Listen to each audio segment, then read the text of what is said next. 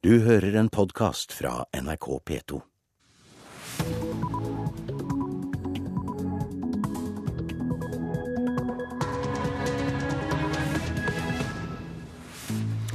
Øystein Heggen ønsker deg velkommen til P2s Nyhetsmorgen. Nå klokka 6.30 onsdag 30. oktober er dette våre saker.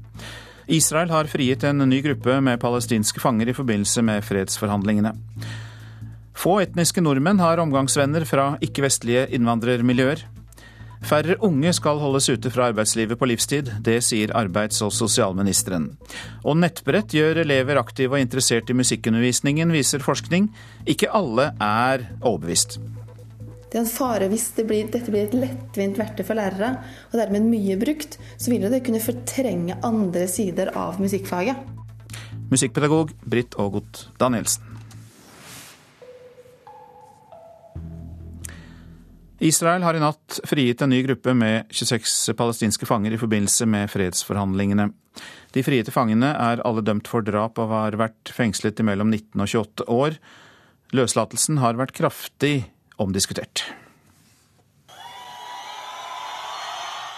Heltemottagelse i det palestinske hovedkvarteret Mokattam i natt.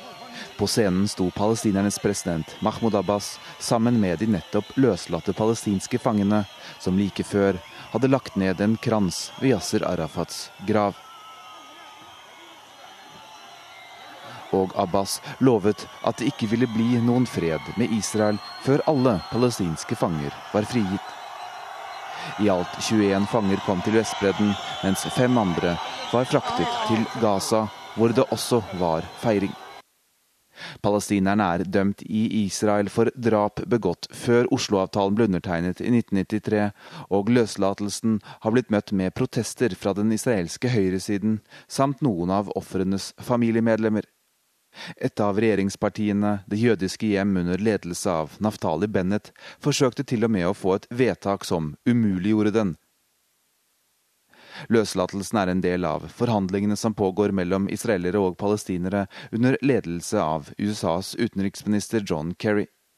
Israel har sagt de vil slippe fri i alt 104 palestinske fanger i fire omganger. Nattens løslatelse var den andre i rekken. Forhandlingene begynte i juli, og partene har fått ni måneder på seg til å komme fram til en avtale.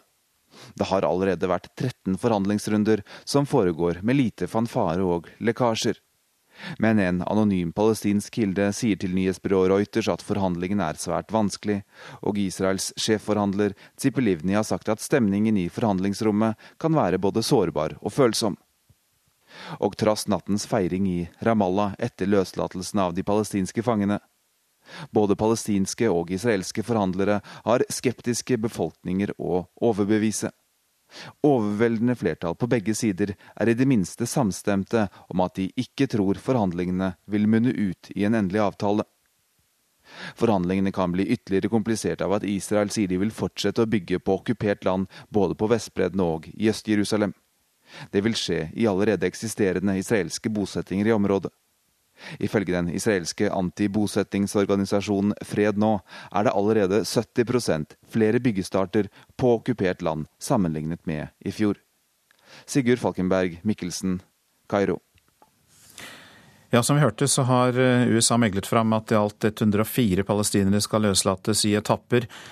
Og Midtøsten-forsker i PRIO, Jakob eh, Høygilt, eh, du er med oss. Hvordan tolker du at fangene nå blir satt fri?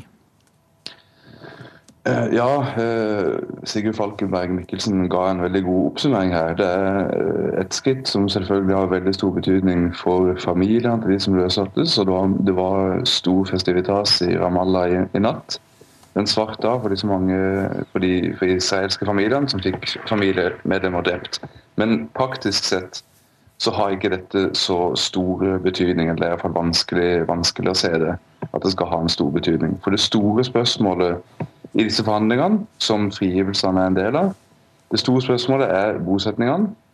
Og Egentlig så var det jo et ufravikelig krav for den palestinske sida at det skulle være byggestopp i bosetningene før de gikk til forhandlinger. Og Så ble de trukket inn i disse forhandlingene eh, av USA, som gjerne ville ha forhandlinger, selv om det ikke er noe byggestopp. Så dette er på en måte en billig måte for Israel å få forhandlingene i gang igjen. Få det til å se ut som det skjer noe, uten at de gir opp det viktigste for dem, som er å fortsette å bygge bosetninger. Derfor er det også betegnende at eh, en minister i den israelske regjeringa sa at eh, disse løslatelsene eh, kommer samtidig med at det vil bli en, erklæring om, om nye bosetninger snarlig. Ut ifra en slik eh, pessimistisk eh, tolkning, hva tror du da er mulighetene for noen resultater i disse forhandlingene? Det er veldig få som tror at de vil føre til noe. De fleste mener vel at dette er et spill for galleriet. Eh, både USA og Israel har et ønske om at det skal se ut som det skjer noe. Og For det palestinske lederskapet, som har sin legitimitet bygd på at de skal oppnå en fred, så er jo dette veldig viktig. Men det er veldig vanskelig å se at det skal munne ut i noe reelt. Og det er jo veldig få som snakker om altså hvis, hvis, det skulle bli en slags avtale mot formodning, så er det jo veldig få som snakker om uh, hva som da skal skje med Gaza. Da sier du Hamas og regjerer 1,5 millioner mennesker. Og hva skjer med de? Det er det ikke noe særlig oppmerksomhet om. Et kjernepunkt er bosettingene, sier du. Det var det du startet med å si. Men la oss gå tilbake dit, for hva må til for at bosettingene skal, eh, at det ikke skal fortsette å bli bygget flere bosettinger, og kanskje at eh, noen av de blir fjernet. Hva skal til for at det skal eh, gjøres? Da må det til en politisk omveltning i, i Israel. Den regjeringa som sitter nå, og Benjamin Netanyahu, er jo ikke villig til å stoppe disse bosettingene. Netanyahu har en ganske brei og uensetta regjering som han sitter som statsminister for. Eh, og flere av partiene der, bl.a. partiet til Naftali Bennett, vil jo aldri gå med på å stoppe bosetninger. Eh, så det, må til et, eh, en, stor politisk omveltning i et, stemningsskifte i Israel, sånn at de får, får inn en regjering som er villig til å ta den store politiske omkostninga det vil være å, å stoppe bosetningene. Takk skal du ha, Jakob Høgilt. Du er Midtøsten-forsker i PRIO. Nesten ingen etniske nordmenn har omgangsvenner med ikke-vestlig bakgrunn. 93% av oss omgås ikke den innvandrergruppen, viser undersøkelse. Hvem er det du omgås på fritida? I all hovedsak vennene mine, og så lite grann kollegene mine, og så kona sine venner og Ja, i det hele tatt. Og så er jeg relativt omgjengelig, så noen ganger så omgås jeg folk jeg ikke kjenner òg. Er det mange av dem som er, har innvandrerbakgrunn? Det er vel kanskje pinlig få. Han står sammen med to venner. Jakken er kneppa godt igjen, og høstkulden farger rødt i kinnene. De er alle født i Norge og har foreldre født her i landet. De kjenner få med ikke-vestlig bakgrunn. De bor vel kanskje ikke akkurat i nærheten av oss. og... Og vi har kanskje ikke kjent dem så lenge, bor på forskjellige steder og sånn. Jeg har jo jobba med noen. Det er bare hyggelig, det. Jeg kan ikke begynne å tvinge meg innpå dem når jeg bor på en kant av byen hvor det ikke er innvandrere.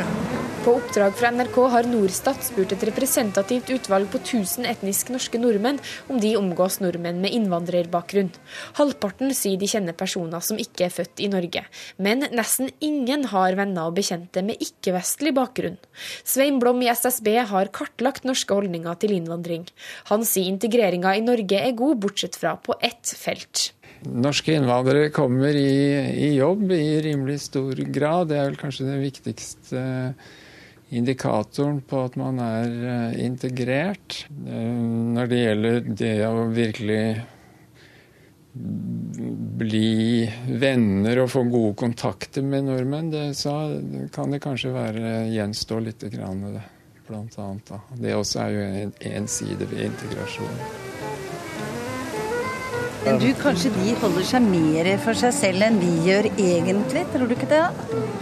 Fordi når du setter deg ned et sted sånn om sommeren, og sånn, så prates jo, men jeg tror det er veldig sjelden at de eh, omgås oss. Går vel ja. kanskje begge veier? Ja. ja, det tror jeg virkelig. Nei, men Hadde det kommet en innvandrerfamilie i nabohuset vårt, ja, så hadde vi selvfølgelig Det har vi jo. Vi? Ja, masse, ja, pola ja, masse polakker. Som vi For de bor i området. Godt. De kjenner jo veldig godt. Men de holder seg på, de jobber hele tiden, vet du. Og vi er blitt gamle. Reportasjen var laget av Marit Gjelland. Statsminister Erna Solberg vil ha en ny vurdering av landbruksminister Sylvi Listhaugs kundelister. Det skriver Dagens Næringsliv. I et brev til Lovavdelingen i Justisdepartementet ber statsministerens kontor om en nærmere gjennomgang av adgangen til å unnta slike kundelister fra offentlighet. Landbruksministeren jobbet for PR-byrået First House til etter valget. Hun har ikke fortalt hvilke kunder hun hadde da hun jobbet med politisk påvirkning der. Færre unge skal bli uføre på livstid. Arbeids- og sosialminister Robert Eriksson vil ta flere virkemidler i bruk for å hindre at mange urettmessig stemples ut av arbeidslivet. Jeg innser at det kan ta tid å bremse veksten i unge uføre, men håper på effekt også på kort sikt, sier han. Folk som av helsemessige årsaker ikke kan delta i arbeidslivet, skal motta uføretrygd uten å ha noe slags skam i forhold til det. Det skal de motta med verdighet. Men så er det viktig for meg som ny eh, arbeids- og sosialminister å også legge til rette for et system som gjør det enklere for de som i dag har blitt i altfor stor grad stempla ut av norsk arbeidsliv, å bli en inkludert del i norsk arbeidsliv. Andelen uføre går ned, men blant de unge øker andelen svakt. Over 10 000 mennesker under 30 år er stemplet ut av arbeidslivet. Det vil si over en prosent av aldersgruppen som skulle hatt arbeidslivet foran seg. Det bekymrer Robert Eriksson sterkt. Og det som bekymrer meg enda mer, er at uh, unge mennesker pga. lettere psykiske lidelser blir stempla varig ut av arbeidslivet. Jeg mener tidligere innsats, riktig innsats og rett oppfølging for de ungdommene vil bedre muligheten for at de kan være en del av arbeidslivet, og det vil være positivt. Sosiale entreprenører går nye veier for å plukke ungdom som ikke er A4, inn igjen til arbeidslivet. De er blant dem den nye arbeids- og sosialministeren setter sin lit til. Det betyr at vi må satse mer på sosialt entreprenørskap, det betyr at vi må satse mer på arbeidsmarkedsbedrifter, og det betyr at vi må kvalifisere folk på en ny og bedre måte for å få til et mer inkluderende arbeidsliv. Det er en oppgave jeg tar på det dypeste alvor, og en oppgave som jeg har faktisk begynt å gått i gang med allerede. Arbeids- og sosialminister Robert Eriksson og reporter Hedvig Bjørgum. Da tar vi en titt på det avisene skriver om. Norsk eh, nødhjelp brukt på børs, skriver VG. UD gransker omfattende misbruk av bistandsmidler, men det er ofte vanskelig å få pengene tilbake etter mislighold, sier leder av UDs kontrollenhet, Hans Bratskar. Rema-butikker solgte kyllingprodukter opp, eh, laget på opptil fem år gamle råvarer, skriver Adresseavisen. En arbeidsrettssak mot en tidligere kvalitetssjef ved Norsk Kylling på Støren avslører produkter med et annet innhold enn det varedeklarasjonen viste. Vi kjøper lokalmat for over 3 milliarder kroner, får vi vite i Nasjonen. Det er en økning på 8,4% sammenlignet med fjoråret. Lokalmatmarkedet øker dobbelt så mye som matmarkedet ellers. Krise på krise for Siv Jensen er oppslaget i Dagsavisen. Nestlederen trekker seg, det er kamp om partiets sjel. Frp sliter på målingene, og Listhaug-saken får mye oppmerksomhet. Kritikerne lyver, sier Line Miriam Sandberg til Dagbladet. Hun støtter sin mann fullt og helt, og ser fram til at Per Sandberg får mer tid til familien. Folkekirkens regjering, skriver Vårt Land. Hele 17 av 18 statsråder i Solberg-regjeringen tilhører Den norske kirke. Ingen tilhører andre tros- eller livssynssamfunn. Norges kristne råd mener at regjeringen dermed ikke avspeiler mangfoldet i det norske samfunn. Nesespray skal redde overdoseofre, skriver Bergens Tidende. Nesespray med motgift kan gi andre rusavhengige og pårørende mulighet til å redde liv før profesjonelle kommer. Nå skal flest mulig av de sprøytenarkomane i Bergen få utdelt slik nesespray. Prisen på OL i Sotsji blir på 300 milliarder kroner, skriver Aftenposten. Kostnadene er rekordstore. Og det kastes dystre skygger over OL i Russland fra etniske konflikter, terrortrusler og korrupsjon. Første offer dersom regjeringen reduserer pressestøtten, kan bli Rogalands Avis, som allerede fra årsskiftet går fra seks til tre utgaver i uka. Det skriver Klassekampen. Nå er det bare fire steder i Norge med to konkurrerende aviser. NRK dropper TV-serie skrevet av Jo Nesbø, og TV 2 overtar. Det skriver Dagens Næringsliv. Det blir en av tidenes dyreste TV-serier, og handlingen finner sted i et framtidig Norge okkupert av Russland.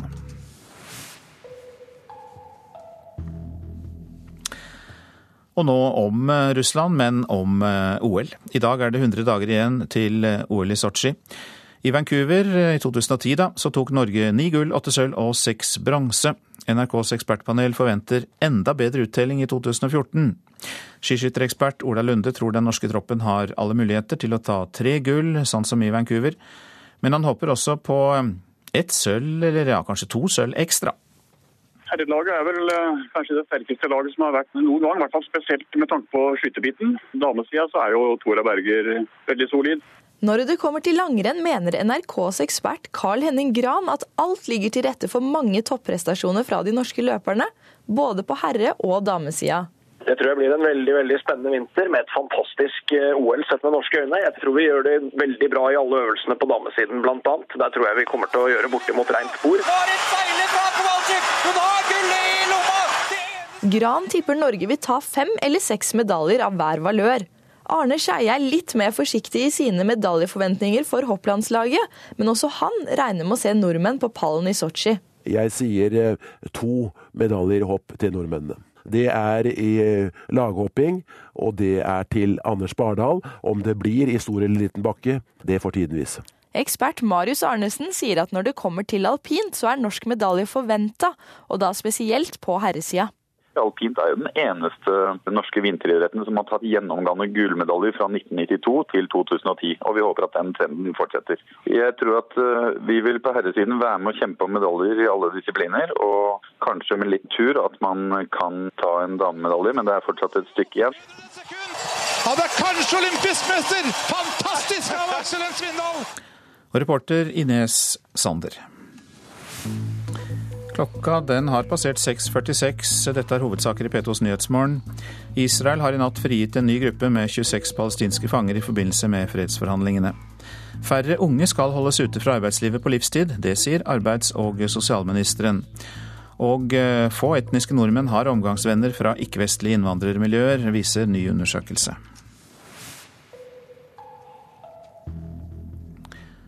Utenriksminister Børge Brende håper at nordnorsk næringsliv vil satse mer i Russland. Her vil det åpne seg svært spennende muligheter. Det samme tror fylkesrådsleder Pia Svensgaard i Troms.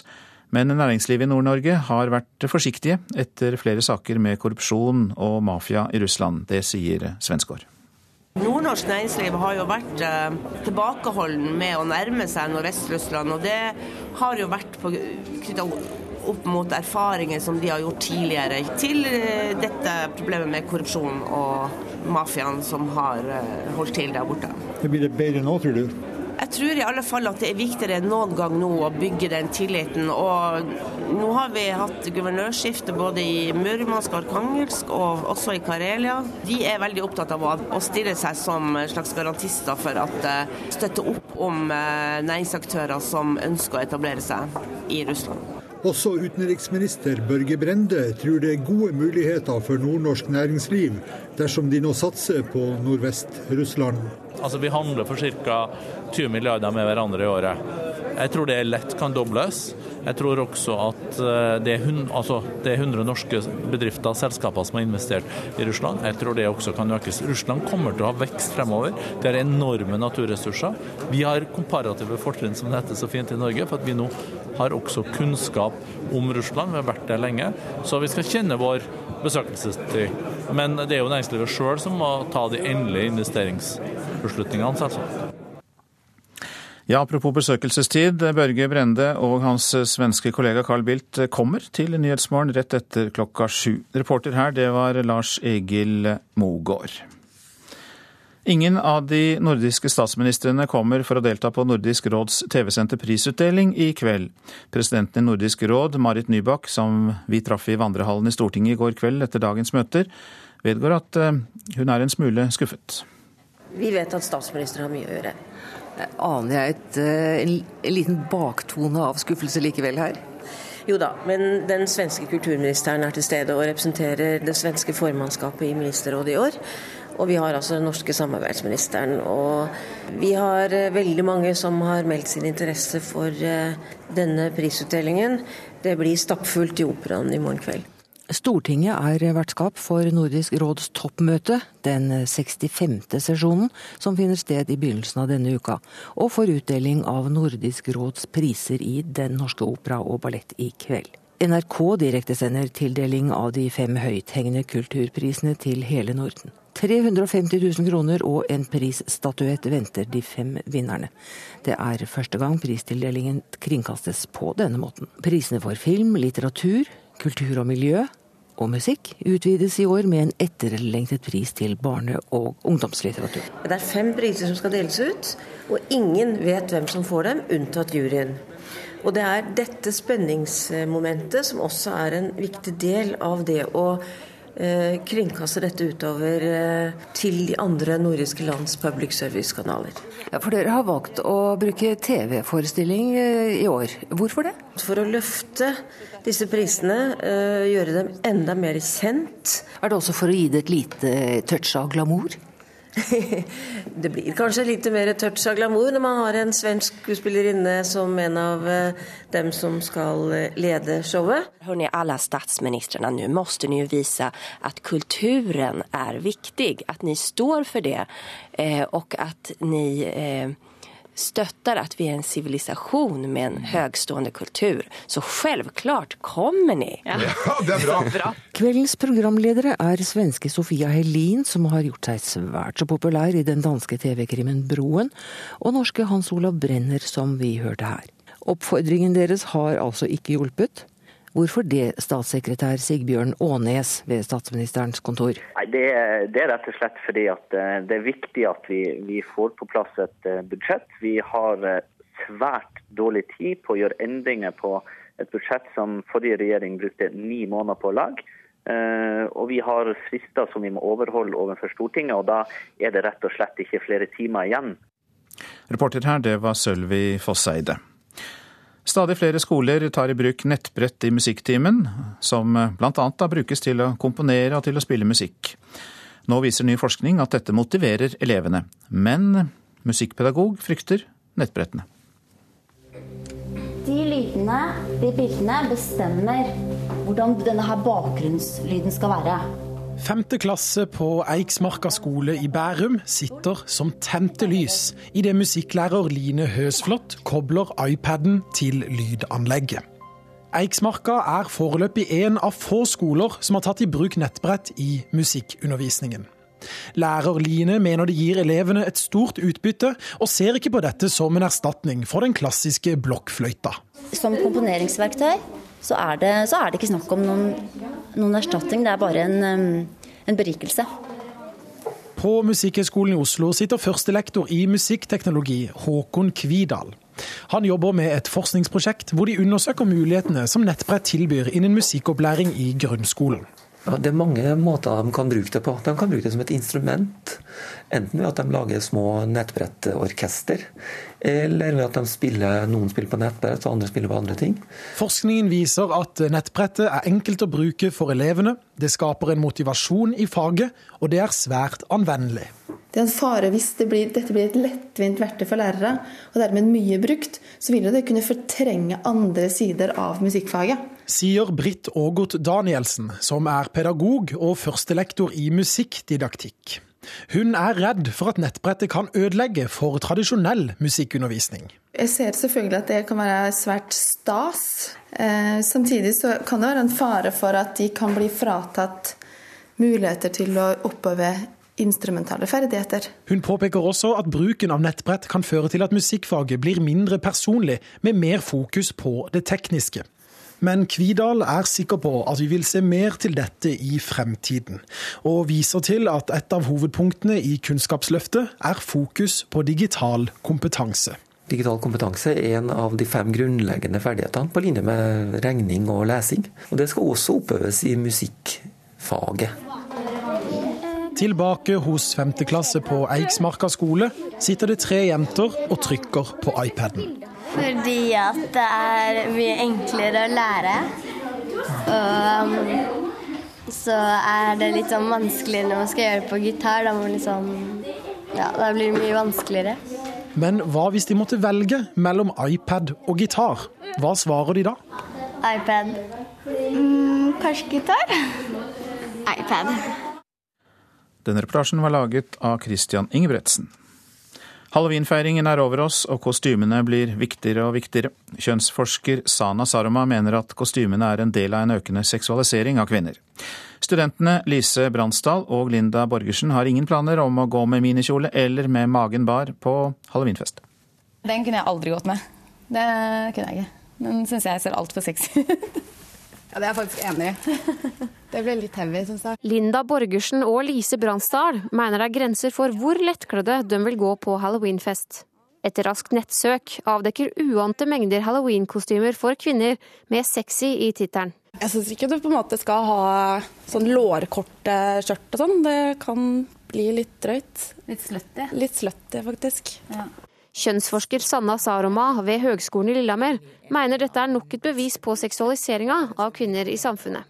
Altså jeg må jo si at Mannskostymene de er knapt nok sexy. Altså De er jo sånn som menn er. Altså En legekostyme før en mann ser jo ut som en, en, mannlig lege. Altså Det er jo ikke noe sex å spore på de mannskostymene. Og så er kvinnekostymene de er jo helt fra den andre virkeligheten. altså sånn Eh, altså at, at, de har disse seksualiserte, kanskje til og med horete elementene. At mest mulig hud skal eh, synes. Skjørtene er korte og utrygningene er store. Dette er jo enda en um, indikasjon, enda et tegn på det som forskerne har jo sagt nå i 10-20 år, at samfunnet blir bare mer og mer utseendefiksert og mer og mer seksualisert.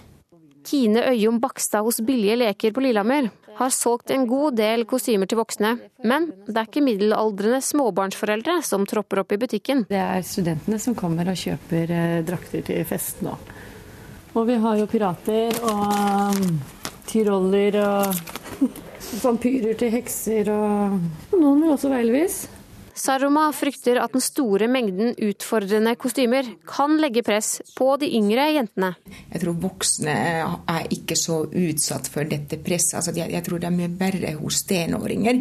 Og der tror jeg eh, dessverre og beklageligvis at, at unge jenter kan synes at de, de må ha seg noe utfordrende på.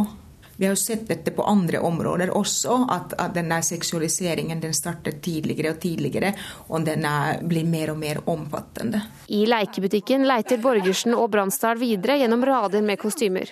Meningene om hva de ønsker å kle seg i, er delte. Jeg tenker det er en vanlig fest med kostyme til, jeg, ja, egentlig. Det må ikke nødvendigvis være skummelt, tenker jeg. Nei, så Man skal jo se skummel ut, da. Splett og blod og Man skal se jævlig ut, rett og slett. Det er ikke sexy i det hele tatt. Men jeg er ikke ute etter å være sexy heller, jeg da. Reporter her, det var Silje Jostein Lien. Så var det på tide å si noe om været fram til midnatt. Østafjells og fjellet i Sør-Norge får det meste pent vær, men i kveld tilskyende i vestlige fjellstrøk og Vest-Agder. Vestlandet sør for Stad oppholdsvær og perioder med sol. I kveld sørlig til dels stiv kuling på kysten. Etter hvert regn i ytre strøk, snø over 1000 meter. Så går vi nordover til Møre og Romsdal.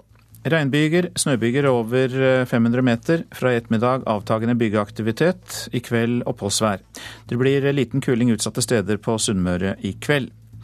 Trøndelag i nordlige deler periodevis liten kuling. Regnbyger, snøbyger i høyereliggende strøk. I kveld blir det avtagende byggeaktivitet i eh, Trøndelag. Helgeland og Saltfjellet vestlig liten kuling utsatte steder. Perioder med stiv kuling i nord. Regnbyger, snøbyger i fjellet. Salten, Ofoten og Lofoten. Sørvestlig stiv kuling utsatte steder. Seint i ettermiddag økende til vestlig sterk kuling. Det blir liten storm i Salten og Lofoten. Regn, lokalt store nedbørsmengder i Salten og Ofoten, og eh, nedbør kommer som snø i fjellet. Vesterålen sørvestlig stiv kuling, i kveld frisk bris. Det blir regn av og til. Troms øking til eh, sørvestlig liten kuling utsatte steder i Sør-Troms. Litt regn av og til, snø i fjellet. I kveld blir det stort sett oppholdsvær i Nord-Troms. Finnmark på kysten i nord stiv kuling. I kveld minkende til liten kuling, litt regn eller sludd. Vesentlig på vidda og på kysten i øst. Nordensjøland på Spitsbergen stort sett oppholdsvær. Fra i ettermiddag litt snø. Og så går vi til temperaturene målt klokka fire. Svalbard lufthavn minus fem. Kirkenes pluss to, Varde fire, Alta én, Tromsø-Langnes fire. Bodø og Brønnøysund seks, Trondheim-Værnes fire, Molde fire, Bergen-Flesland fem grader, Stavanger sju. Kristiansand-Kjevik to, Gardermoen fire, Lillehammer tre, Røros null grader og Oslo-Blindern hadde fem grader. Og det var altså målingene klokka fire i natt. Du hører en podkast fra NRK P2.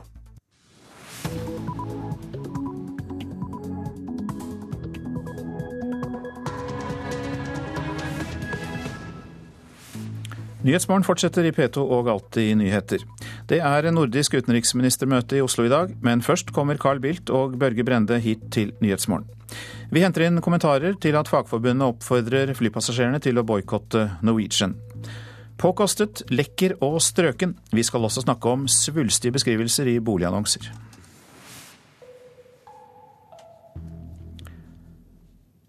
Fagforbundet oppfordrer flypassasjerene til å boikotte Norwegian. Fagforeningen har 340 000 medlemmer og reagerer skarpt på at thailandske ansatte får under 3000 kroner i grunnlønn. Jeg ser ingen grunn for at vi i det hele tatt skal bruke Norwegian eh, når virksomheten opptrer på den måten. Sier Stein Gulbrandsen i LOs største forbund, Fagforbundet. NRK har hentet ut lister som viser at de fleste av Norwegians thailandske kabinansatte har en grunnlønn på 3000 kroner måneden. Noen andre tillegg er det også. Blant annet vanker det 200-lapper ekstra for thaiene som jobber på den tolv timer lange flyturen mellom Bangkok og Oslo. Enhver må se på dette som en grov provokasjon. Gulbrandsen, som sitter i Fagforbundets mektige arbeidsutvalg, har en krystallklar oppfordring til alle landets flypassasjerer.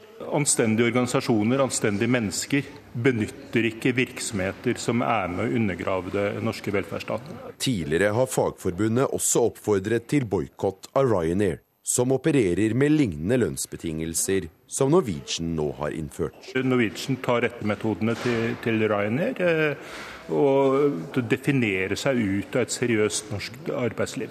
Men informasjonssjef Lasse Sandaker Nilsen i Norwegian mener fagforeningen bommer i kritikken.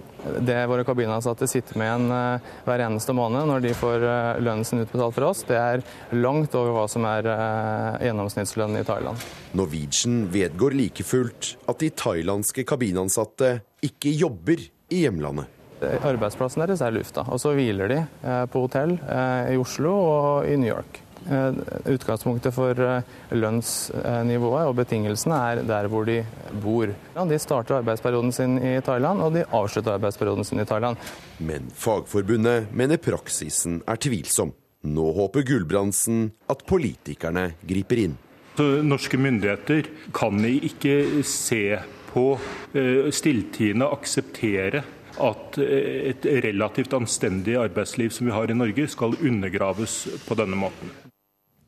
Reporter her Sindre Heierdal. Carl Fredrik Tangen, god morgen til deg. God morgen.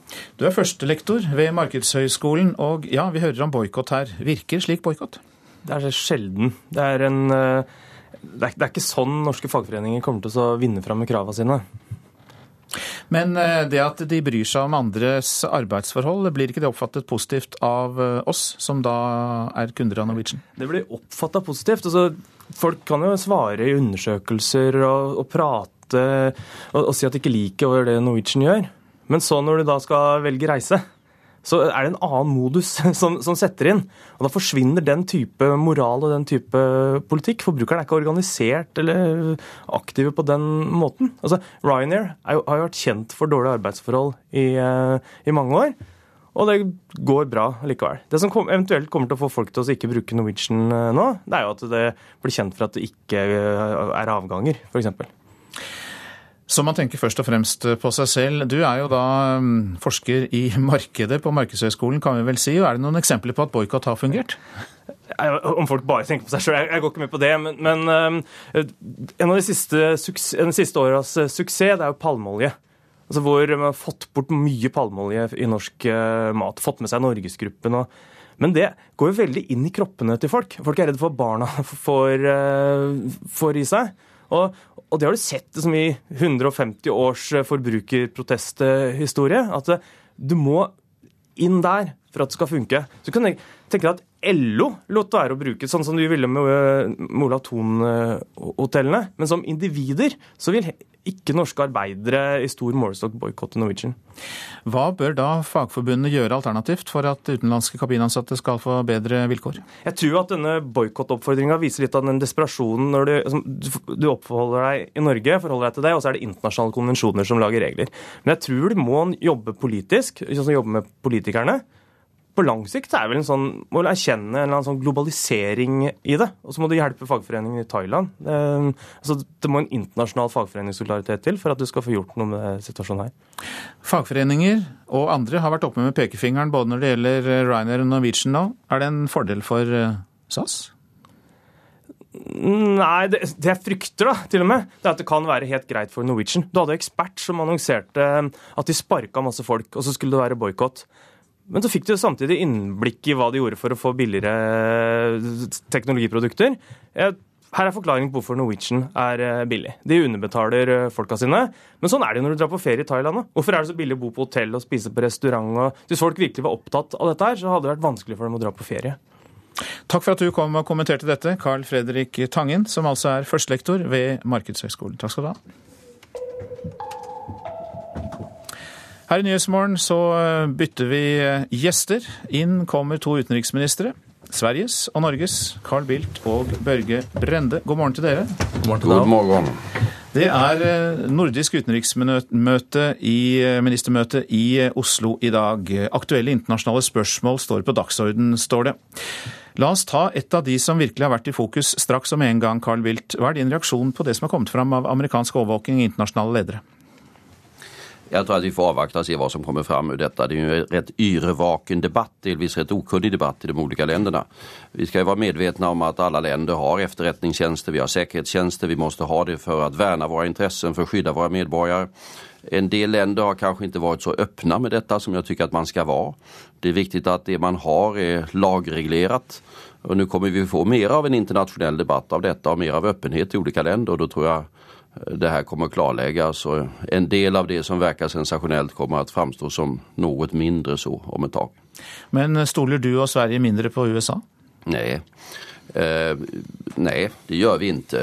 Vi har jo inget alliansförhållande til USA, men det er klart vi har nära relationer. USA er en viktig makt. Eh, USA er også en stormakt når det gjelder underrättelse og säkerhetstjänst. Og det har jo å gjøre med eh, terrorism og det har å gjøre med globale konfrontasjoner. Vi skal ikke glemme at det fanns noe som heter Sovjetunionen for ikke så lenge siden, hvilket krevde oppbyggnad av betydende efterretningsresurser. Det kan både Sverige og Norge vittne om hva som var nødvendig under de årene. Ehm, og vi lever i en verden der usikkerhetene er mange, og der vi som representanter for stater måste ha mulighet til å skydde våre medborgere og skaffe oss underrettelse om hva som hender i verden. Børge Brende, har du grunn til å tro at eh, nordiske ledere, blant dem norske, selv har blitt overvåket på denne måten? Vi har ingen eh, indikasjoner på det, men det kan selvsagt ikke eh, utelukkes. Også som Bildt var inne på, så skjer det jo mye overvåking og etterretning fra mange land.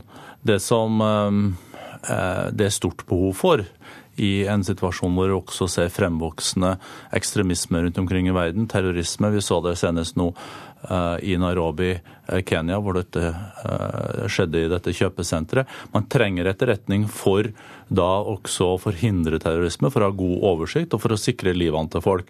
Men det som har vært basisen for denne diskusjonen, og som vi fra norsk side har sagt eh, vi eh, ikke kan akseptere, det er jo hvis det er en sånn situasjon at allierte da overvåker allierte. Eh, jeg tror man skal sette inn ressursene der trusselen er. Det har vært, og det er et viktig prinsipp. Det helt eh, motsatte av denne overvåkningen er jo den åpenheten vi ser på Twitter. Bare for å hoppe rett til det. Carl Bildt, du skriver 'Late evening in Oslo after dinner with all three center-right Nordic representatives'. Eh, en av dine siste tweets. Eh, du har snart 240 000 følgere på Twitter. Sånn en passant, Brende, du er ja, drøyt 11 000, så du ligger langt etter. Hvorfor bruker du Twitter så aktivt, Bildt? Ikke bare Twitter. Jeg tycker at vi lever i en uh, modern tid der uh, vi har möjligheter til mer av öppenhet via sosiale medier og via andre medier. Da skal vi utnyttja dette. Informere informera de som vil bli informerade om hva vi har for oss. Utnyttja de möjligheter som er å føre ut vårt budskap. Og sen skal man ikke glemme at Twitter er et alldeles utomordentligt instrument også att skaffa seg informasjon. Og hva som inträffar i, i omvärlden. Det er en fantastisk nyhetskanal. Skal du kjøre en offensiv på Twitter Børge Brende, for å komme litt etter din kollega her? Ja, nå har jeg jo en eh, syv-åtte år å gå på for å komme opp i det tallet der. Men, eh, men, når det gjelder sosiale medier generelt, så er det, jo et, eh, er det jo grunn til ettertanke at for ti år siden så eksisterte verken Facebook eller Twitter. Det har skjedd en revolusjon, og det har også endra måten både folk kommuniserer på. Men det gir jo Man var jo redd for at det var måte, myndighetene som skulle se folk i kort partene med disse sosiale mediene. Og Det er jo en diskusjon. Men det er jo også slik at vanlige folk ser nå myndighetene i kortene. Hvis folk reagerer eh, på noe som skjer, eh, det er misnøye, eh, ting man ønsker å endre, så kan det spre seg gjennom Twitter og sosiale medier veldig raskt. Så det øker jo også vanlige folks innflytelse, og de får en røst i mange viktige saker. Det så vi i forbindelse med den arabiske våren. Vi ser det også i mange land hvor man ønsker å kontrollere eh, da eh, mer kommunikasjon mellom mennesker. At man setter inn tiltak mot sosiale medier. Kraften i de sosiale medier har kommet for å bli, og det kan også, og vil ha, økende innflytelse på politiske, det politiske ordskiftet. Carl Bildt, du er jo fra en dansk, norsk, svensk adelsslekt. Du burde ha spesielle forutsetninger for det nordiske samarbeidet. Hva betyr det for deg? Det nordiska samarbetet betyder veldig mye. Eh, jeg tror at det er oerhört betydelsefullt for våre länder. Vi er jo rett små länder i en värld som jag på att säga, blir allt større. Og jeg tycker varhelst vi vender oss i verden, hvilket problem vi enn konfronteres med, så vet vi at våre nordiske grannar er våre beste venner. Det er våre nærmeste allierade i en mer alltså, säga, allmän. Och ju mer vi kan samarbeta över nationsgränserna, ju mer vi kan söka en gemenskap, ju mer vi kan söka samarbete, ju effektivare blir vi när det gäller att värna våra intressen och att uh, främja våra. Och den nordiska, jag skulle säga nordisk-baltiska basen är ohyggligt viktiga. Sen är vi rätt framgångsrika ekonomier. Ta oss tillsammans så är vi världens åttonde största ekonomi. Så även om vi är små länder, så när vi samarbetar och ser oss som en enhet så er vi ikke så rolige. Hva er den største utfordringen for nordisk samarbeid, Børge Brende? Det er jo da å kunne få eh, et samarbeid som da kan hvor vi kan få mer igjen for det, knytta til at de styrkene vi har, at vi da kan samarbeide mer konkret om, om prosjekter. Men generelt da så vil jeg legge til når det gjelder Norden, så er det jo veldig stor interesse knytta også til hvordan vi har organisert oss i Norden rent økonomisk. Vi er veldig åpne økonomier, eh, men vi gjør det godt. Vi produserer høyt oppe i verdikjeden. Og det er også slik at vi har sterke velferdssamfunn. Eh, og det å kunne kombinere dette er det mange som er eh, interessert i. I tillegg til den nordiske baltiske dimensjon, så har vi også nordområdedimensjon. Vi har jo hatt akkurat et møte i Barentsrådet, hvor eh, vi går foran også i en nordisk nordområdestrategi, nordområdestrategi, også i en bredere arktisk eh, strategi. Så jeg tror vi har veldig mye vi kan da oppnå sammen. Nå så har man jo også fått et samarbeid om det utenrikspolitiske, det sikkerhetspolitiske og det forsvarspolitiske. Det var jo mm. utenkelig under den kalde krigen. Og det er jo en ny dimensjon. Og så er det også, som da Carl Bildt understreker, at det er en nærhet og et samarbeid mellom våre land eh, som eh, er veldig genuint, og som er viktig i en verden hvor det også å ha venner for små og mellomstore land er helt avgjørende. Jeg må gi dere fra meg til TV. Dere skal også dit. Hjertelig takk for at dere kom til Nyhetsmorgen. Carl Bildt og eh, Børge Brende. Takk. Du lytter til Nyhetsmorgen. Klokka den går mot 7.17. Vi har disse hovedsakene. Fagforbundet oppfordrer alle passasjerer til å boikotte Norwegian. LOs største forbund reagerer på at thailandske Norwegian-ansatte får lav lønn. Arbeids- og sosialminister Robert Eriksson vil ta flere virkemidler i bruk for å hindre at unge blir uføre på livstid. Statsminister Erna Solberg vil ha en ny vurdering av landbruksminister Sylvi Listhaugs kundelister, om de kan holdes hemmelige. Statsministeren har sendt brev til Lovavdelingen i Justisdepartementet, skriver Dagens Næringsliv. Statoil presenterer et driftsresultat på 39,3 milliarder kroner før skatt for tredje kvartal i år. Tallene er på linje med resultatet i samme periode i fjor. DN.no skriver at resultatet er skuffende, fordi analytikere hadde forventet et resultat på over 40 milliarder. Statoil-sjef Helge Lund sier i en pressemelding at resultatet viser at selskapet produserer som planlagt, og at aktivitetsnivået er høyt.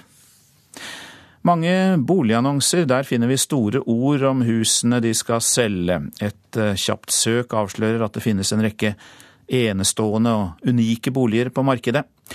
Og nå advarer Eiendomsmeglerforbundet sine egne mot å bruke opp de store ordene i annonsene.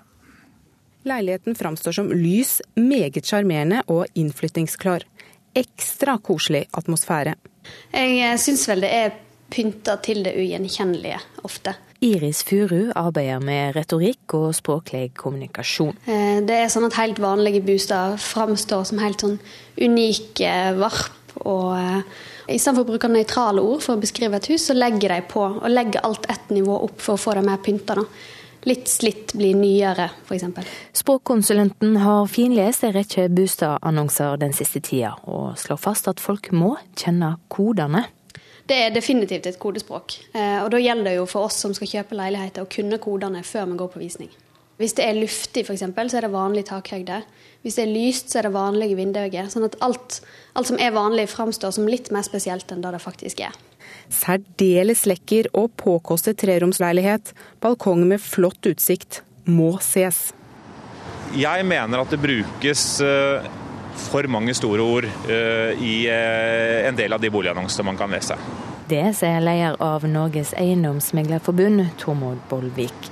Problemet ved å bruke for store ord når man etterpå vet at folk kommer for å se de faktiske forholdene, det er at uh, folk kjenner her at han eiendomsmegleren han dro på for mye.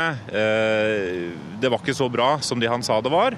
Og det er klart at For en eiendomsmegler som er avhengig av tillit hos forbrukerne, eh, så er en mer nøktern språkdrakt avgjørende. Enestående beliggenhet med fantastisk utsikt, stor og solrik tomt. Hei, hei, velkommen. Vi stilte på visning for å høre hva de potensielle kjøperne synes om boligannonsene. Unikt og eksklusivt og enestående, ja. Det er alltid noe veldig fantastisk å selge.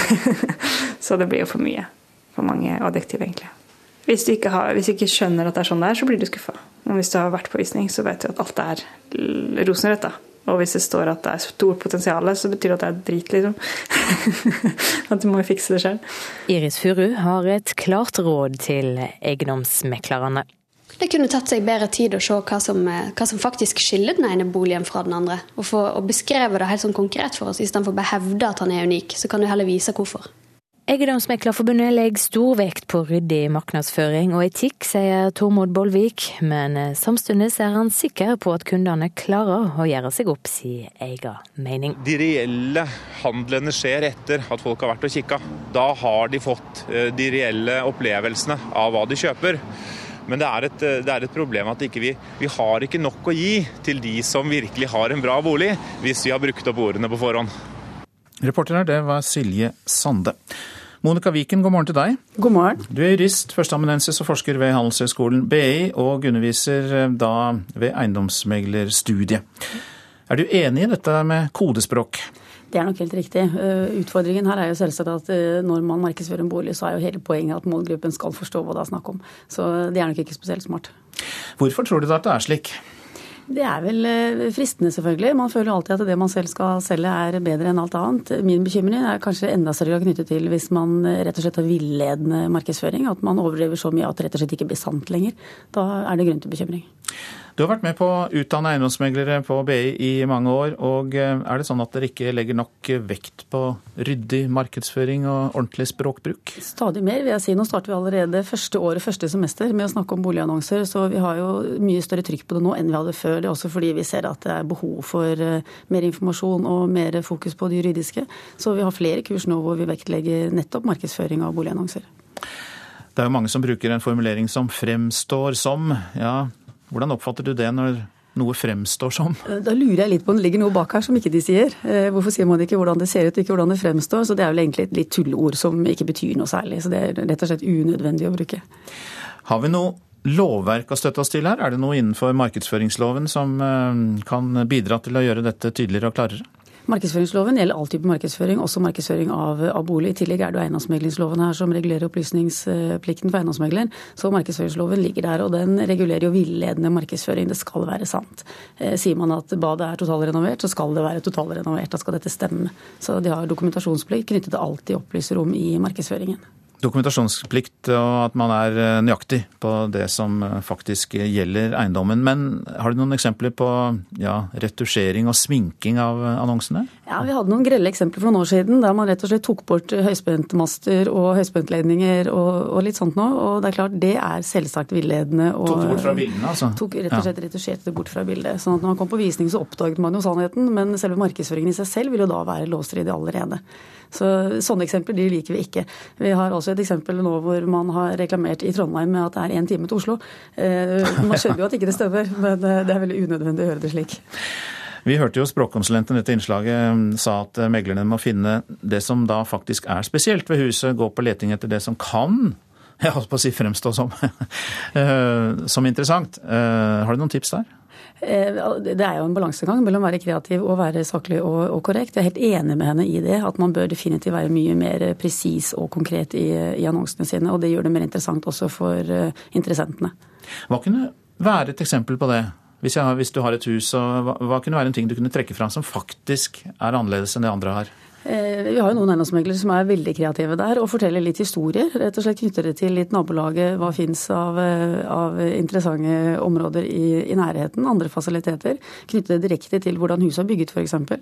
Eh, alder, er det egen stil her? Så gjør det mest mulig konkret. Hjertelig takk for at du kom, Monica Viken, jurist, førsteamanuensis og forsker ved Handelshøyskolen BI. Så til eh, det avisene skriver om i dag. Norsk nødhjelp brukt på børs, skriver VG. UD gransker omfattende misbruk av bistandsmidler, men det er ofte vanskelig å få pengene tilbake etter mislighold, sier leder av UDs kontrollenhet, Hans Brattskar. Rema-butikker solgte kyllingprodukter eh, laget på opptil fem år gamle råvarer, skriver Adresseavisen. En arbeidsrettssak mot en tidligere kvalitetssjef ved Norsk Kylling på Støren avslører produkter med et annet innhold enn det varedeklarasjonen viste. Vi kjøper lokalmat for over 3 milliarder kroner, får vi vite i Nasjonen. Det er en økning på 8,4% sammenlignet med fjoråret. Lokalmatmarkedet øker dobbelt så mye som matmarkedet ellers. Krise på krise for Siv Jensen, det er oppslaget i Dagsavisen. Nestlederen trekker seg, det er kamp om partiets sjel. Frp sliter på målingene, og Listhaug-saken får mye oppmerksomhet. Kritikerne lyver, sier Line Miriam Sandberg til Dagbladet. Hun støtter sin mann fullt og helt, og ser fram til at Per Sandberg får mer tid til familien. Folkekirkens regjering er oppslaget i Vårt Land. Hele 17 av 18 statsråder i Solberg-regjeringen tilhører Den norske kirke. Ingen tilhører andre tros- eller livssynssamfunn. Norges kristne råd mener at regjeringen dermed ikke avspeiler mangfoldet i det norske samfunn. Nesespray skal redde overdoseofre, skriver Bergens Tidende. Nesespray med motgift kan gi andre rusavhengige og pårørende mulighet til å redde liv før profesjonelle kommer. Nå skal flest mulig av de sprøytenarkomane i Bergen få utdelt nesespray. Prisen på OL i Sotsji blir på 300 milliarder kroner, skriver Aftenposten. Kostnadene er rekordstore. Og det også, kastes også dystre skygger over OL i Russland fra etniske konflikter, terrortrusler og korrupsjon. Første offer dersom regjeringen reduserer pressestøtten, kan bli Rogalands Avis, som allerede fra årsskiftet går fra seks til tre utgaver i uka. Det skriver Klassekampen. Nå er det bare fire steder i Norge med to konkurrerende aviser. NRK dropper TV-serie skrevet av Jo Nesbø, og TV 2 overtar. Det skriver Dagens Næringsliv, og det blir en av tidens, tidenes dyreste TV-serier. Handlingen finner sted i et framtidig Norge okkupert av Russland. Salget av voldsalarmer har økt kraftig i Oslo. Butikkjeden Enklere Liv har solgt tre ganger så mange voldsalarmer i oktober som forrige måned. Forretningsutvikler hos Enklere Liv, Håkon Helmersen, tror det økte salget kan skyldes mange ranere i ran i hovedstaden. I Enklere Liv så har vi sett en nesten tredobling i salget av uh, våre, våre Safe Pluss-alarmprodukter uh, i andre halvdel av oktober i forhold til uh, begynnelsen av oktober og, september. Det er to, eh, to, typer kunder. Det er jo de som føler seg usikre og vil kjøpe det seg selv. Og så er det også i ganske stor grad um, pårørende som, som er redd, redd, for sine og ønsker at de skal bruke denne type produkter. Ja, det var om eh, voldsalarmer. Nå skal vi høre om allehelgensaften. Ja, det norske navnet er det vel knapt noen som kjenner lenger, men det er altså halloween som brukes nå. Og ikke bare navnet, den amerikanske tradisjonen fester seg mer og mer. Salget av gresskar øker kraftig. I Bodø har Silje Evjen ett i handlevogna. Nei, det egentlig så var det mest Jeg liker å lage mat, så tenkte jeg aldri, aldri laga noe med gresskar i. Så nå får jeg på en måte både pynta opp, og så blir jeg på en måte tvinga til å finne, finne, på noe nytt. For ti år siden var det nesten ingen som kjøpte gresskar i Norge, men etterspørselen har økt voldsomt siden da, sier Britt Kåsin, som er informasjonssjef ved Opplysningskontoret for frukt og grønt. Og i løpet av de siste åra så har det liksom bare eskalert raskere og raskere, kan du si. Og nå regner vi med at det vil bli en omsetning på ca. 1000 tonn i år. I fjor kjøpte vi 900 tonn gresskar i oktober, så trolig blir det ei økning også i år. Tidligere ble gresskarene importert, men nå produseres det meste her hjemme i Norge norske produsenter så at dette er sannsynligvis noe som kommer til å etterspørres mer, og så begynte en med norsk produksjon av både vanlig halloween-gresskar, vanlig matgresskar og pyntegresskar. Selv om flere kjøper gresskar til halloween, har vi ikke noen tradisjon for å bruke kjøttet som tas ut i matlaginga, sier Kåsin. Men det vi ved Opplysningskontoret for frukt og grønnsaker har opplevd i de senere åra, helt i takt med økningen av interessen for å feire halloween, det er òg interessen for hva en kan tilberede av gresskar opp mot denne dagen. Har du tenkt eh, hva du skal lage ut av eh, gresskarkjøttet? Så for meg en eller annen pai av noe slag. Men det kan jo hende jeg møter noen andre spennende oppskrifter før jeg får tredje gang, så vi får se. Reporter i Bodø, det var Lise Forfang Hagen. Ja, du lytter til eh, Nyhetsmorgen. Produsent er Kari Bekken Larsen. Her i studio Øystein Heggen. Vi eh, minner om eh, at Politisk kvarter tar debatten om en eventuell sammenslåing av SV og Miljøpartiet. Men nå om sekunder, få sekunder, Dagsnytt. Fagforbundet oppfordrer flypassasjerene til å boikotte Norwegian. Israel har i natt løslatt flere palestinske fanger. Og Eiendomsmeglernes eget forbund advarer mot å overdrive i boligannonsene. God morgen, her er NRK Dagsnytt, klokka er 7.30. Fagforbundet oppfordrer altså alle flypassasjerer til å boikotte Norwegian.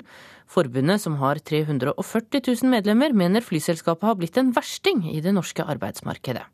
I går kom det frem at thailandske ansatte får under 3000 kroner i måneden i grunnlønn. Jeg ser ingen grunn for at vi i det hele tatt skal bruke Norwegian eh, når virksomheten opptrer på den måten. Sier Stein Gulbrandsen i LOs største forbund, Fagforbundet. NRK har hentet ut lister som viser at de fleste av Norwegians thailandske kabinansatte har en grunnlønn på 3000 kroner måneden. Noen andre tillegg er det også. Blant annet vanker det 200-lapper ekstra for thaiene som jobber på den tolv timer lange flyturen mellom Bangkok og Oslo. Enhver må se på dette som en grov provokasjon. Gulbrandsen, som sitter i Fagforbundets mektige arbeidsutvalg, har en krystallklar oppfordring til alle landets flypassasjerer. Anstendige organisasjoner, anstendige mennesker, benytter ikke virksomheter som er med å undergrave det norske velferdsstaten. Men informasjonssjef Lasse Sandaker Nilsen i Norwegian mener fagforeningen bommer i kritikken. Det våre kabinansatte sitter med en uh, hver eneste måned når de får uh, lønnen sin utbetalt fra oss, det er langt over hva som er uh, gjennomsnittslønnen i Thailand. Norwegian vedgår like fullt at de thailandske kabinansatte ikke jobber i hjemlandet. Arbeidsplassen deres er lufta, og så hviler de på hotell i Oslo og i New York. Utgangspunktet for eh, lønnsnivået og betingelsene er der hvor de bor. De starter arbeidsperioden sin i Thailand, og de avslutter arbeidsperioden sin i Thailand. Reporter her var Sindre Heierdal. Israel har i natt sluppet fri en ny gruppe med 26 palestinske fanger i forbindelse med fredsforhandlingene. Løslatelsene har vært kraftig omdiskutert. heltemottagelse i det palestinske hovedkvarteret Mokattam i natt. På scenen sto palestinernes president Mahmoud Abbas sammen med de nettopp løslatte palestinske fangene, som like før hadde lagt ned en krans ved Yasser Arafats grav. Og Abbas lovet at det ikke ville bli noen fred med Israel før alle palestinske fanger var frigitt. I alt 21 fanger kom til Vestbredden, mens fem andre var fraktet til Gaza, hvor det også var feiring. Palestinerne er dømt i Israel for drap begått før Oslo-avtalen ble undertegnet i 1993, og løslatelsen har blitt møtt med protester fra den israelske høyresiden, samt noen av ofrenes familiemedlemmer. Et av regjeringspartiene, Det jødiske hjem under ledelse av Naftali Bennett, forsøkte til og med å få et vedtak som umuliggjorde den. Løslatelsen er en del av forhandlingene som pågår mellom israelere og palestinere under ledelse av USAs utenriksminister John Kerry. Israel har sagt de vil slippe fri i alt 104 palestinske fanger i fire omganger. Nattens løslatelse var den andre i rekken. Sigurd Falkenberg Mikkelsen, Kairo. Nødhjelpspenger fra Norge til land i Asia og Afrika skal ha blitt brukt til å investere i aksjer, obligasjoner og andre verdipapirer. Flere forhold er politianmeldt, skriver VG. De siste to årene er det avdekket fire tilfeller der norsk bistand er brukt til aksje- og verdipapirkjøp. I tillegg pågår det gransking i et titall andre saker. SVs ungdomsorganisasjon avviser forslaget om at SV skal slå seg sammen med Miljøpartiet De Grønne. Det er SVs nestleder Bård Vegar Solhjell som har foreslått dette, fordi han frykter at SV alene skal bli et for lite parti. Men det er å svikte hele SV-prosjektet, mener leder for ungdomspartiet Andreas Halse. Jeg syns det er merkelig eh, og virker litt desperat at en nestleder eh, nå går imot den prioriteringa, ønsker å slå oss sammen med et annet, også lite parti. Det er helt uansvarlig. Vi har aldri sagt at vi skal skape greske tilstander i norsk økonomi. Miljøpartiet De Grønne i valgdebatt på TV. De stjal litt av rampelyset, noen av velgerne og en stortingsplass. Jeg tror det er nødvendig å samle miljøkreftene i Norge i et sterkere parti. SVs nestleder Bård Vegar Solhjell vil slå sammen De Grønne med SV til ett parti. Hvis ikke kan de ta livet av hverandre. Vi burde nå legge det forslaget her dødt en gang for alle. Andreas Halse leder SVs ungdomsorganisasjon. Han mener Solhjell svikter det prosjektet partileder Lysbakken har startet på. Det går imot det vi har blitt eh, enige om i partiet. Vi har blitt for smale og snakka for mye om kun miljøsaka. Reportere her var Bjørn Myklebust og David Krekling. Og det blir debatt om dette i Politisk kvarter kvart på åtte på P2. Statsminister Erna Solberg vil ha en ny vurdering i saken om kundelistene til landbruksminister Sylvi Listhaug, skriver Dagens Næringsliv. I et brev til Lovavdelingen i Justisdepartementet ber Solberg om en ny vurdering av om listene kan holdes hemmelige. Landbruksministeren jobbet for PR-byrået First House til etter valget. Hun har ikke fortalt hvilke kunder hun hadde da hun jobbet med politisk påvirkning. Mange eiendomsmeklere bruker store ord om hus og leiligheter de skal selge. Et kjapt søk viser at det finnes en rekke enestående og helt unike boliger på markedet. Nå advarer Eiendomsmeglerforbundet sine egne mot å bruke opp de store ordene i boligannonsene. Leiligheten framstår som lys, meget sjarmerende og innflyttingsklar. Ekstra koselig atmosfære.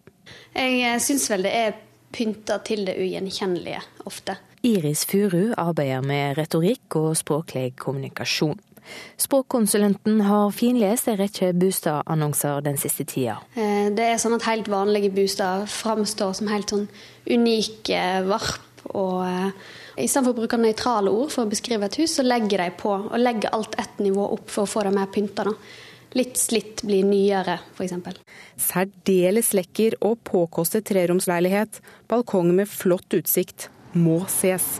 Jeg mener at det brukes eh, for mange store ord eh, i eh, en del av de boligannonsene man kan lese. Det sier leder av Norges eiendomsmeglerforbund, Tormod Bollvik. Vi har ikke nok å gi til de som virkelig har en bra bolig, hvis vi har brukt opp ordene på forhånd. Hei, hei, velkommen. Vi stilte på visning for å høre hva de potensielle kjøperne synes om Bustad-annonsene. Unikt og eksklusivt og enstående. Ja. Det er alltid noe veldig fantastisk å selge. så det blir jo for mye. Men hvis du har vært på visning, så vet du at alt er rosenrødt. Og hvis det står at det er stort potensial, så betyr det at det er drit, liksom. at du må fikse det selv. Ja, reporter her var Silje Sande. Etnisk norske nordmenn omgås i liten grad ikke-vestlige innvandrere. Det viser en undersøkelse Norstat har laget for NRK. 93% av de spurte i undersøkelsen sier de kjenner få eller ingen med afrikansk, asiatisk eller søramerikansk opphav. Svein Blom i Statistisk sentralbyrå har kartlagt norske holdninger til innvandring. Han sier integreringen i Norge er god, bortsett fra på ett felt. Når det gjelder det å virkelig bli venner og få gode kontakter med nordmenn, det, så kan det kanskje være gjenstå litt. Ansvaret for det, det går jo begge veier. Det må jo være at innvandrerne viser en åpen holdning og er, er villige til å ta kontakt. Men like viktig er det jo at, at de som ikke har innvandrerbakgrunn også er åpne og kanskje inviterer innvandrere hjem til seg og ikke skyver dem bort, da. Det sa Svein Blom i SSB. I dag er det 100 dager igjen til OL i Sotsji i Russland. I Vancouver i 2010 tok Norge ni gull, åtte sølv og seks bronse. NRKs ekspertpanel tror og håper på enda flere medaljer under OL neste år. Skiskytterekspert Ola Lunde tror den norske troppen har alle muligheter til å ta flere medaljer enn i Vancouver. Herrelaget er vel eh, kanskje det sterkeste laget som har vært noen gang. Damesida så er jo Tora Berger veldig solid. Når det kommer til langrenn, mener NRKs ekspert Carl Henning Gran at alt ligger til rette for mange topprestasjoner fra de norske løperne. Det tror jeg blir en veldig veldig spennende vinter med et fantastisk eh, OL sett med norske øyne. Arne Skeie er litt mer forsiktig i sine forventninger for hopplandslaget, og spår to medaljer. Alpinekspert Marius Arnesen regner med gode norske prestasjoner, og da spesielt på herresida. Jeg tror at eh, vi vil på herresiden være med å kjempe om medaljer i alle disipliner. Reporter her, det var Ines eh, Sander. Ansvarlig for Dagsnytt-sendingene denne morgenen er eh, Eirik Ramberg. Teknisk ansvarlig Beate Haugtrø. I studio Tone Nordahl.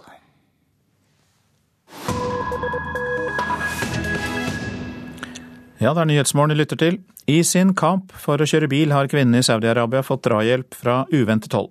For nå harselerer det konservative kongedømmets mest kjente standup-komikere med forbudet mot bilkjøring. Og de er inspirert av Bob Marley. Hello, my name is Hisham Fagi. I'm an artist and social activist. Jeg heter Hisham Faghi. Jeg er artist og samfunnsaktivist. And now, with the help of some of my talented friends, I sing. Hisham har latt seg inspirere av en reggae-sang i USA som han har tilpasset saudiarabiske forhold, der kvinner ikke får kjøre bil.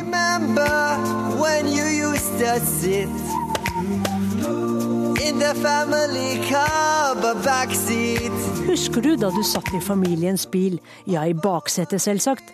Ja, for om du skal kunne føde barn, kan ikke du kjøre bil.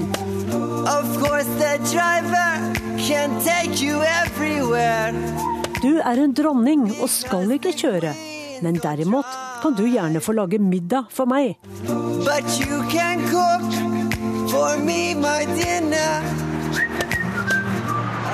I helgen aksjonerte de igjen, Saudi-Arabias kvinnelige rattaktivister. De filmet seg selv og la ut videoer på egne Twitter, Instagram og Facebook-kontoer. Jeg støtter kvinnekampanjen. Det er så mye jeg ikke får gjort fordi jeg ikke kan kjøre. Og dessuten er det jo mye bedre å kjøre selv enn å bli kjørt av en fremmed sjåfør, sier denne kvinnen til Reuters. Hva enn en kvinne skal gjøre utenfor husets fire vegger, må hun følges av en mann, en verge. Som oftest er det en ektemann, en far eller en bror. Og hun kjøres rundt av en sjåfør, som regel fra Bangladesh, Pakistan eller Sri Lanka. Den kjente saudi-bloggeren Eman al-Nafjan skriver at i mange tilfeller blir kvinnen fraktet til nærmeste politistasjon, dit hennes mannlige verge tilkalles. Både vergen og kvinnen må love at bilkjøring aldri skal forekomme igjen. Og hører vi på synspunktene Reuters har hentet inn hos mannlige sjåfører i Riyadh, er det lite som tyder på et snarlig stemningsskifte. Hvorfor disse kjørekampanjene, når kvinner ikke trenger å kjøre? Kvinner drar på skolen og alle andre steder med sin privatsjåfør. Intet behov for å kjøre selv, mener Abdullah Aldakil. En kvinne lever med ære og i verdighet. Ja, hun lever som en dronning. Alle hennes krav møtes. Så hvorfor skulle hun anstrenge seg? Spør en ung mann som heter Allah. Har du ikke sett trafikkorkene i Riyadh? I tillegg til alle fremmedarbeiderne sitter også vi i kø når vi skal på jobb. Og hvordan i all verden skulle det bli om alle kvinnene også skulle kjøre? spør Khaled. Because it's useful for us. I, I can go to my university, I can go to my work, I can do anything without the men. Jeg håper å kunne kjøre selv en gang. Det ville være så praktisk. Jeg kunne kommet meg på jobben selv. Jeg trengte ikke være så avhengig av faren min, mannen min eller en sjåfør, sukker Dima Saleh. Blant Saudi-Arabias store unge befolkning er mange meget godt utdannet, ikke minst kvinnene. Endring er på vei. Et lite steg på denne veien er drahjelpen fra saudiarabiske artister og standup-komikere.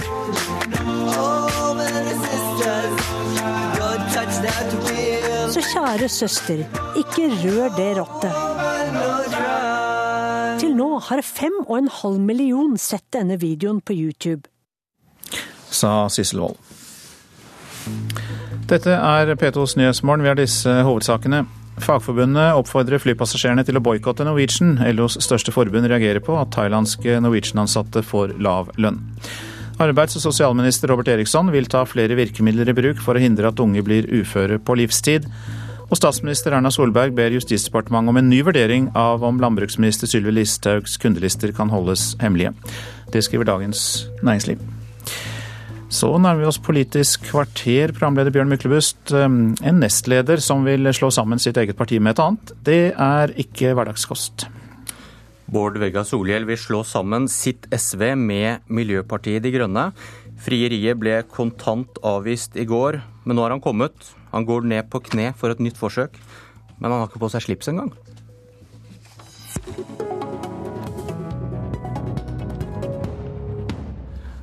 Og da går det vel som det må gå. Men for å begynne med det viktigste, Bård Vegar Solhjell, hva skal partiet hete? Ja, nå fikk jeg jo, som du sa, avslag på grått papir, er ikke det det heter i gamle dager? Fra, fra, ledelsen i Miljøpartiet De Grønne.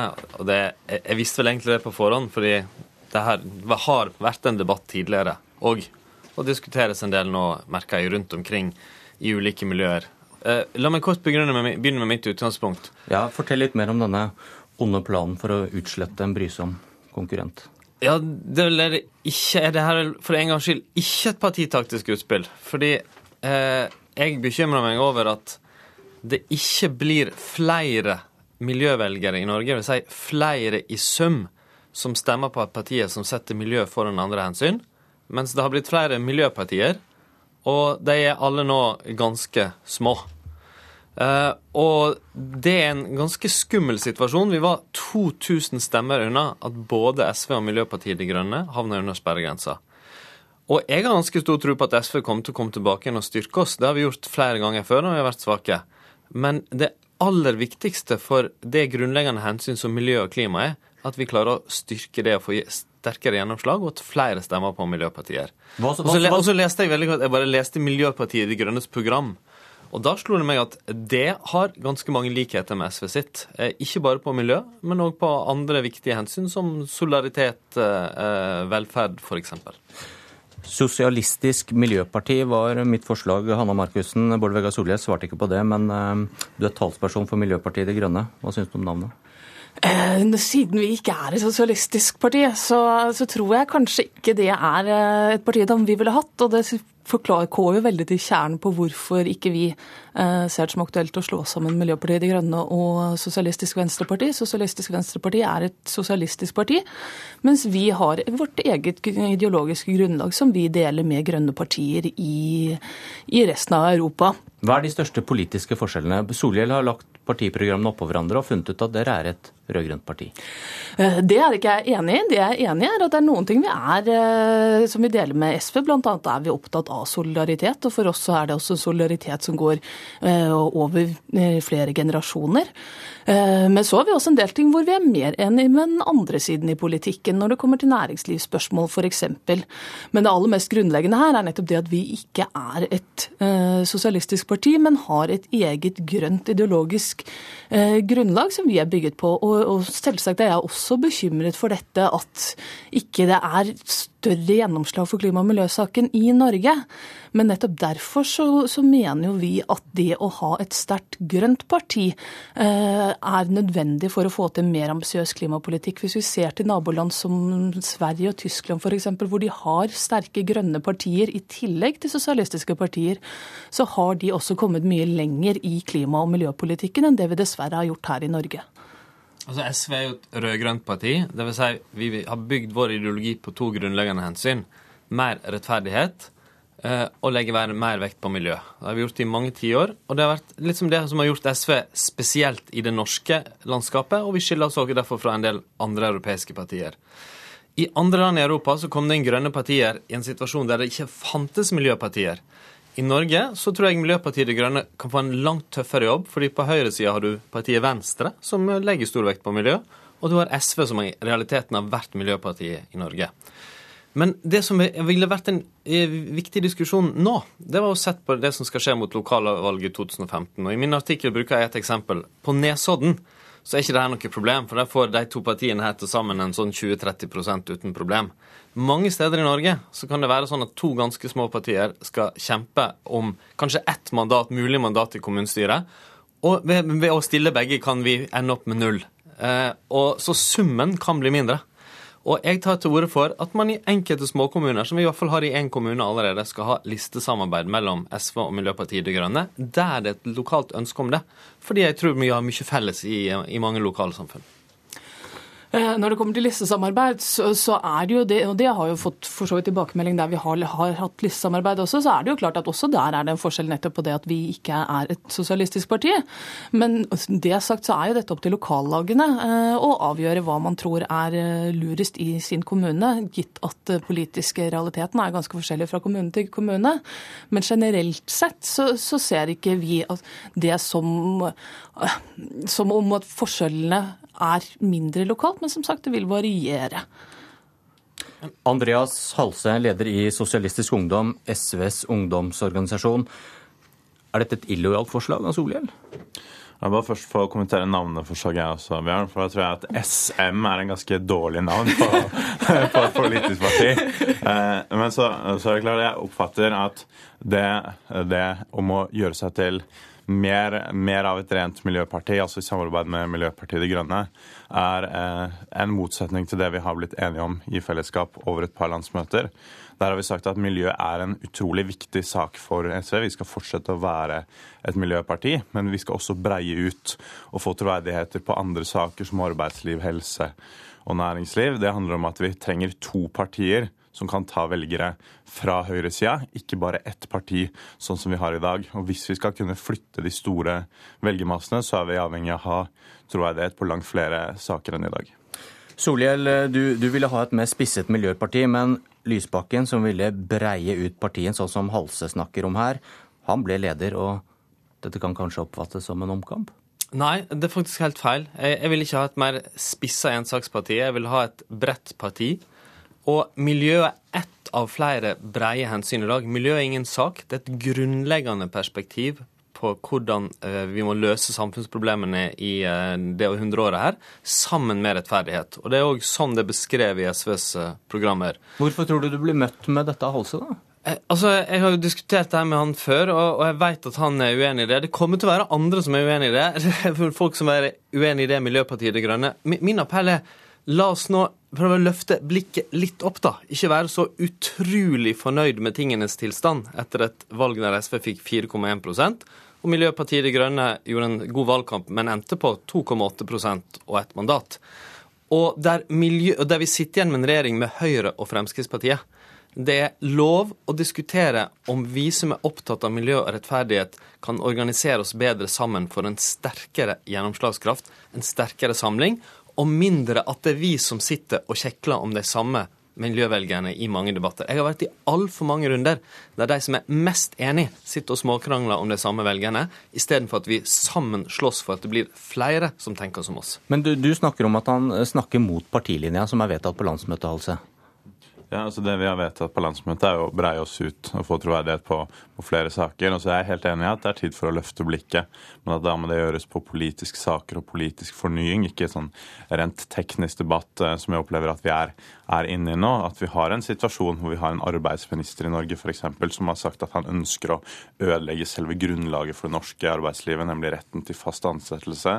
Vi har en situasjon i Norge der stadig flere yrker er i ferd med å bli så dårlig betalt at ikke det er mulig å leve av lønna. Og Det er liksom det her er type store politiske debatter som et sosialistisk parti i 2013 kanskje burde ha gode svar på. At kanskje et sosialistisk parti i 2013 burde klare å målbære den frustrasjonen som er bygd opp i fagbevegelsen over lang, lang tid, hvor det også har mange mange hundre tusen potensielle velgere å hente. Markussen illustrerer det Holse sier, hvorfor dere ikke kan bli et parti? Eh, det illustrerer veldig godt poenget vårt eh, om at vi trenger et tydelig grønt alternativ i Norge som setter miljø- og klimaspørsmål foran andre spørsmål. Fordi det er det aller viktigste spørsmålet å få finne svar på i dette århundret. Og da trenger vi et parti som prioriterer det foran andre, alle andre spørsmål. Og det har vi nå. Det valget som var nå, så var det 79 000 velgere som var enige med oss i det. Og det ville jo være direkte uredelig mot de velgerne om vi nå skulle si, uh, gå tilbake på det og, og, vurdere og skulle slå oss sammen med et annet parti. Vi uh, ble valgt fordi vi trenger et tydelig grønt alternativ som prioriterer miljø- og klimaspørsmål først. Hvem støtter deg i SV, Solhjell? Altså, Jeg tror at uh, mange vil være enig i et tettere samarbeid mellom rød-grønne krefter i Norge. Uh, jeg tror mange vil jobbe for å få listesamarbeid der det er et problem, hvis vi skal stille forskjellige partier. Eh, men som jeg skriver i artikkelen min, og det er åpenbart at altså partier er jo mest for seg sjøl. Jeg er mest for SV og kommer til å stemme SV. Og mange i begge partiene vil være det. Så jeg tror, eh, jeg tror at dette er en tanke som må modnes. Altså når, vi, når, vi regjer, når, partiet går i regjeringssamarbeid, så trenger det ti år på å modne tanken. Det kommer nok til å, å måtte en del runder til her òg. Men hvis jeg skulle ha en appell til Miljøpartiet De Grønne eh, De, framfor noen andre, burde være opptatt av at summen av grønne krefter styrkes mer enn bare sitt eget parti. Og SV er et miljøparti i dag som setter miljø og klima som det grunnleggende hensynet sammen med rettferdighet. Og så, de eh, som er opptatt av miljø, må òg klare å se at miljø og solidaritet henger tett sammen ikke kan ses som to separate hensyn, men at det å ha små forskjeller f.eks. For er nødvendig for å styrke miljøpolitikken i Norge. Og de som definerer seg som miljøpartier, Markussen, taper jo så det dundrer i stortingsvalg etter stortingsvalg. Men nettopp derfor, og derfor, der er jeg jo enig med Solhjell. Eh, mer samarbeid er nødvendig. og Det er nettopp derfor vi i Miljøpartiet De Grønne har tatt initiativ til mer samarbeid om klima- og miljøspørsmål, både med SV og med Venstre og KrF, som også er eh, mer på linje med oss i miljøspørsmål enn de store partiene.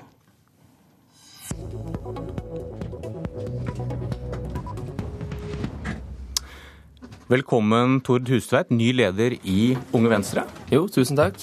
Du, Manuset jeg begynte på i går, hadde tittelen 'Hoppe etter Sveinung'. Var det uærbødig? Nei, det, Sveinung har gjort en veldig god jobb. Og jeg vil jo si jeg er heldig som får ta over en organisasjon, som står, står så sterkt. Vi har mange medlemmer. Vi har gjort et godt stortingsvalg, og vi har en posisjon på Stortinget hvor vi har makt. Hvordan blir Unge Venstre annerledes med, med deg som leder? Nei, Det blir jo annen dialekt på Politisk kvarter. Eh, så håper jeg skal kunne fortsette å ta opp de store sakene. Eh, for det er en del sånn utfordringer vi står foran nå, som vi må ta tak i raskt. Ellers så blir det veldig store regninger skyvd over på neste generasjon. Eh, og én ting er økonomi. Vi har en velferdsstat som ikke er bærekraftig. Og jeg synes Et ganske talende eksempel der er i 1970 så brukte vi dobbelt så stor andel av statsbudsjettet på investering enn det vi gjør i dag. Og det til tross for at vi var ganske mye fattigere i 1970. Eh, så når vi diskuterer nå at det blir bygd for lite vei, det blir bygd for lite jernbane, det blir bygd for lite grønn infrastruktur, så er det ikke sikkert at løsningen der er å komme opp med nye ideer, men kanskje mer penger. At vi må tørre å satse på offentlig investering ovenfor offentlig konsum. Hvor skal vi begynne å kutte? Nei, Folketrygden er jo ganske eh, Jeg syns sykelønna er... Alle offentlige velferdsgoder har en egenandel utenom sykelønn. Eh, og hvis vi hadde kutta sykelønna med 20-30% så hadde vi fått spart 14 milliarder i året. Innen 2025, 2025 er det da den datoen statsbudsjettet går i minus, hadde vi da fått bygd et intercitytriangel eller ferjefri E39. Eller vi kunne fått betydelig raskere reisetid på Bergensbanen. Hvorfor, eh, hvorfor tror du ikke noen av voksenpartiene tør å mene det samme som du? Eller de mener ikke det samme som du? Nei, Hvis du ser på valget i 2001, prøvde jo Jens Stoltenberg å reformere velferdsstaten. Han tapte så det suste. Eh, hvis du ser på valget i 2005, så hadde vi en regjering som prøvde å holde igjen på pengebruken. De tapte. Det virker som at eh, velgerne ikke helt har tatt det med at vi ikke har en bærekraftig velferdsstat. Og jeg håper at vi i Unge Venstre kan løfte den debatten, sånn at folk flest får den forståelsen at vi ikke kan fortsette som vi holder på nå. Eh, og at vi da i valget i 2017 kanskje kan gå til valg på å ville kutte i velferdsstaten og bygge en velferdsstat som er bærekraftig. Det er mulig du allerede har svart på det spørsmålet indirekte, men mener du Venstre er et sentrumsparti som kan samarbeide begge veier i politikken, eller er det et borgerlig parti? Jeg mener Venstre i utgangspunktet er et sentrums-høyre-parti, så det er mest naturlig for oss å samarbeide med de borgerlige. Men jeg syns vi skal ha samme holdning til alle partier som vi hadde overfor Frp før det valget her, og det er at vi samarbeider på politikk eh, og ikke parti. Det viktigste er at vi får gi politisk gjennomslag. Eh, så hvis vi får med oss Arbeiderpartiet på å kutte i sykelønna, og hvis vi får med oss på en kanskje enda viktigere sak enn bærekraftig velferdsstat, er bærekraftig miljøpolitikk, eh, og hvis vi får med oss andre partier på å føre en mer offensiv miljøpolitikk enn det den sittende regjeringa gjør, så kan vi samarbeide andre veier, andre steder. Tord Dutveit, ny leder i Unge Venstre, takk for at du kom til eh, Politisk kvarter. Jeg heter Bjørn Myklebust. Snart fortsetter Petos Nyhetsmorgen med Kulturnytt. Du har hørt en podkast fra NRK P2.